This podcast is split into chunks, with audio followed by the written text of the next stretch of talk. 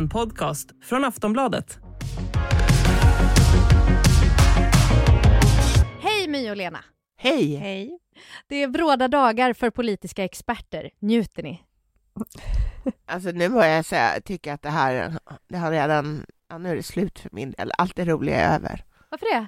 Nej men du är ju liksom, nej men nu är det ju bestämt i princip. Ja, det är kul liksom fram till. Ja.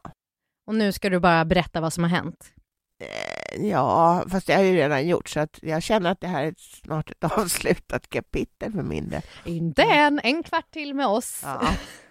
Hur mår du? Jo, men jag tycker också, jag är ju väldigt förtjust i processer. Mm. Eh, fyrkantiga byråkratiska ramar som man ska hålla sig inom. Så att jag tycker ändå det ska bli spännande nu när man börjar skicka papper hit och dit och vad händer då? ja, vi, har, vi är alla sjuka på olika sätt. Det är faktiskt helt Ja. sant. Det är fint. Beskedet om NATO igår var ju såklart väldigt väntat och nu är vägen till en ansökan bara kantad egentligen av de här papperna som ska skickas fram och tillbaka. Men flera falanger inom Socialdemokraterna var och är fortfarande emot ett medlemskap. Kommer det här innebära någon ny och långvarig splittring inom S? Nej, alltså de här sidoorganisationerna utom, utom eh, de för hbtq-sossar, de ställdes ju inte bakom på beslutet, men det var inte heller så att de direkt eh, ja, hade en superavvikande mening. Just det. Så jag är inte arg, jag är besviken. Ja, så.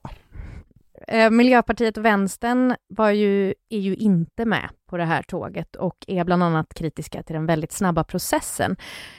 Kan det här medföra att Eh, de partierna får ökat stöd av folk som är NATO-motståndare och då besvikna på S? Ja, men det kan väl vara för Vänsterpartiets del, om det finns någon enstaka sosse som tycker att det här var lite trist, som kan tänka sig att rösta på Vänsterpartiet. Jag tror att det är lite osäkrare vad man egentligen får om man röstar på Miljöpartiet, för de har ju ändå sagt att de är emot det här, men att de ändå de vill ju inte ha konflikt i en sån här viktig fråga, så att om det ändå är så att i höst så ska det röstas om man ska gå med eller inte i, eh, i riksdagen och att man har en majoritet för så kommer de inte att sätta sig på tvären på något sätt. Så det är ju lite otydligare egentligen vad man får.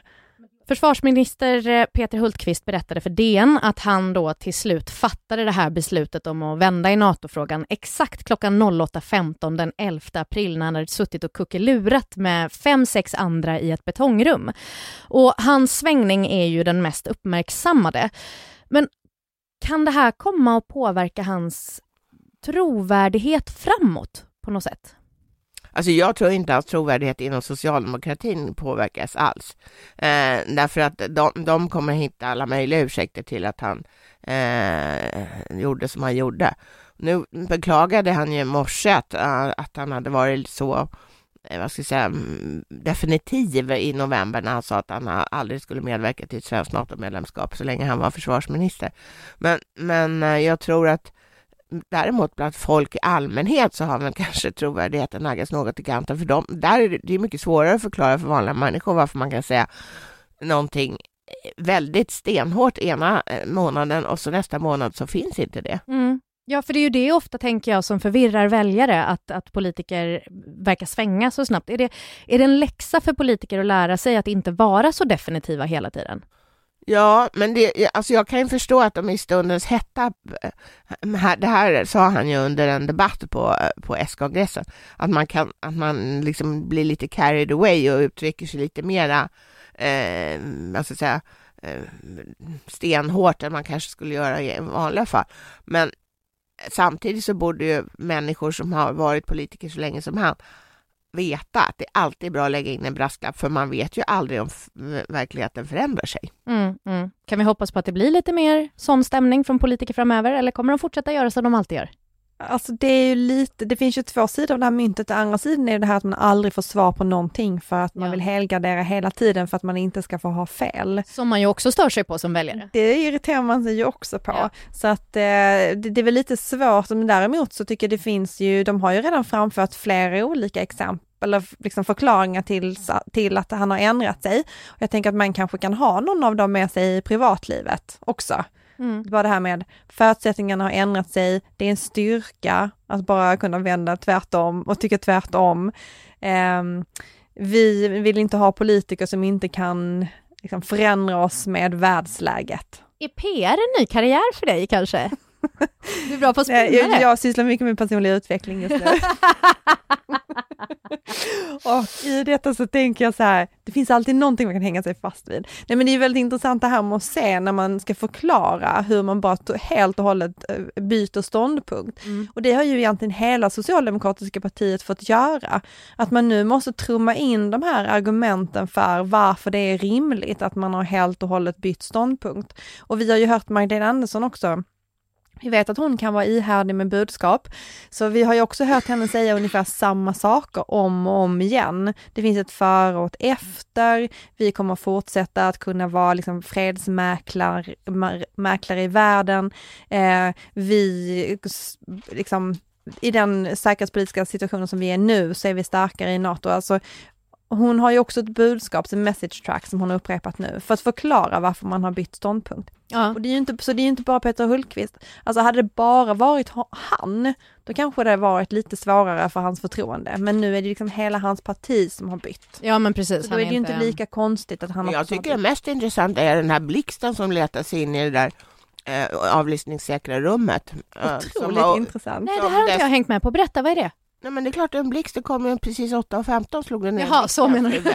ja. Och i det avlyssningssäkra rummet bakom, som är- var i- och dessutom insynsskyddat. Men de, de hade ju debatt idag om NATO i riksdagen. Eh, ni, Debatt. det, ja, verkligen haröron på den. Det, det, det pågick eh, något. Men det, så här var det med den här debatten, det skulle ju från början vara en information Mhm. om den här um, säkerhetspolitiska analysen som presenterades i fredags.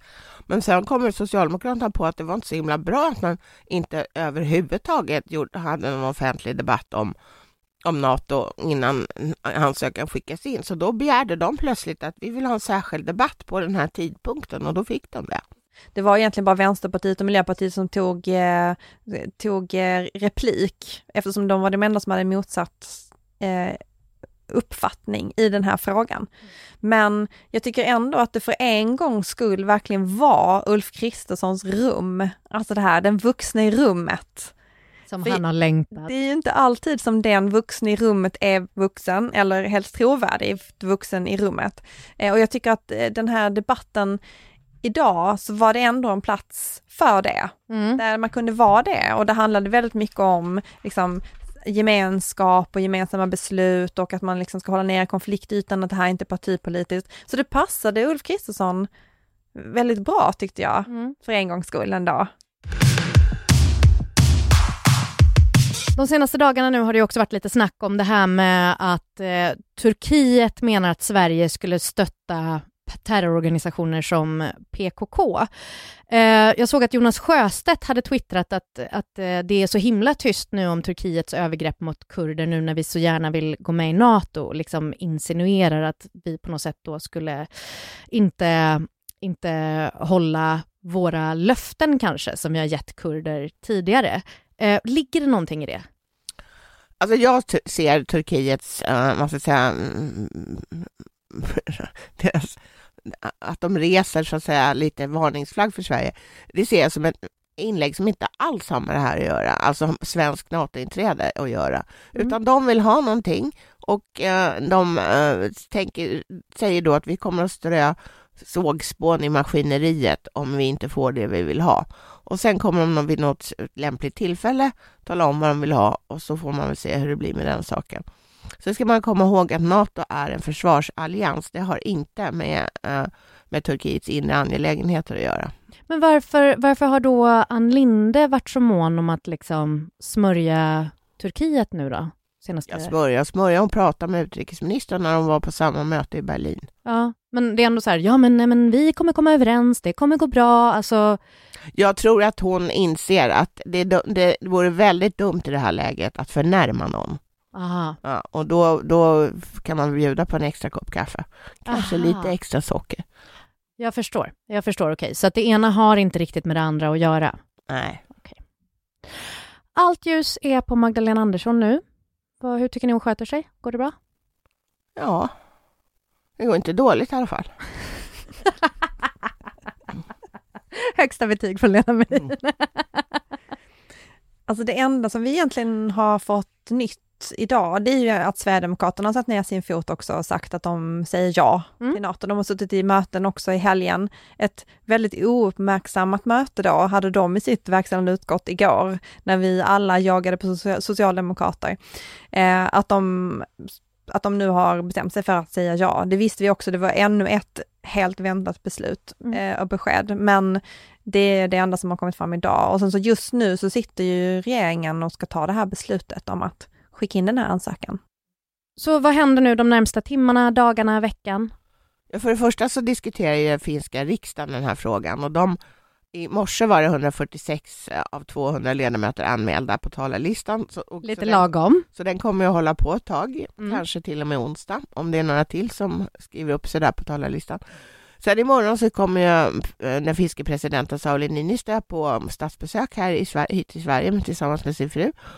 Och han och kungen ska ju göra diverse, några gemensamma, visa upp sig i sann brödrafolks andra anda. Blir det en tryckare? Det tror jag. Tango, en tango, Åh, åh, släktande. sexigt. Eh, Och och, sen, sen så kommer ju ansökan, både vår och den finska, lämnas in under veckan. Men först då när den här jättedebatten i finska riksdagen är avklarad.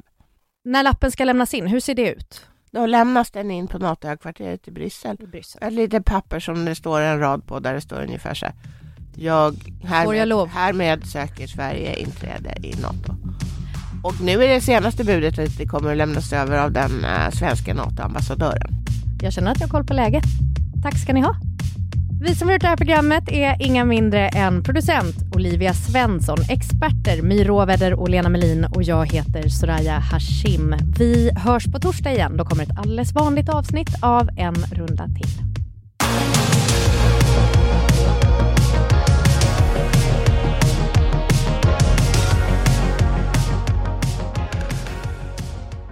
Du har lyssnat på en podcast från Aftonbladet. Ansvarig utgivare är Lena K Samuelsson.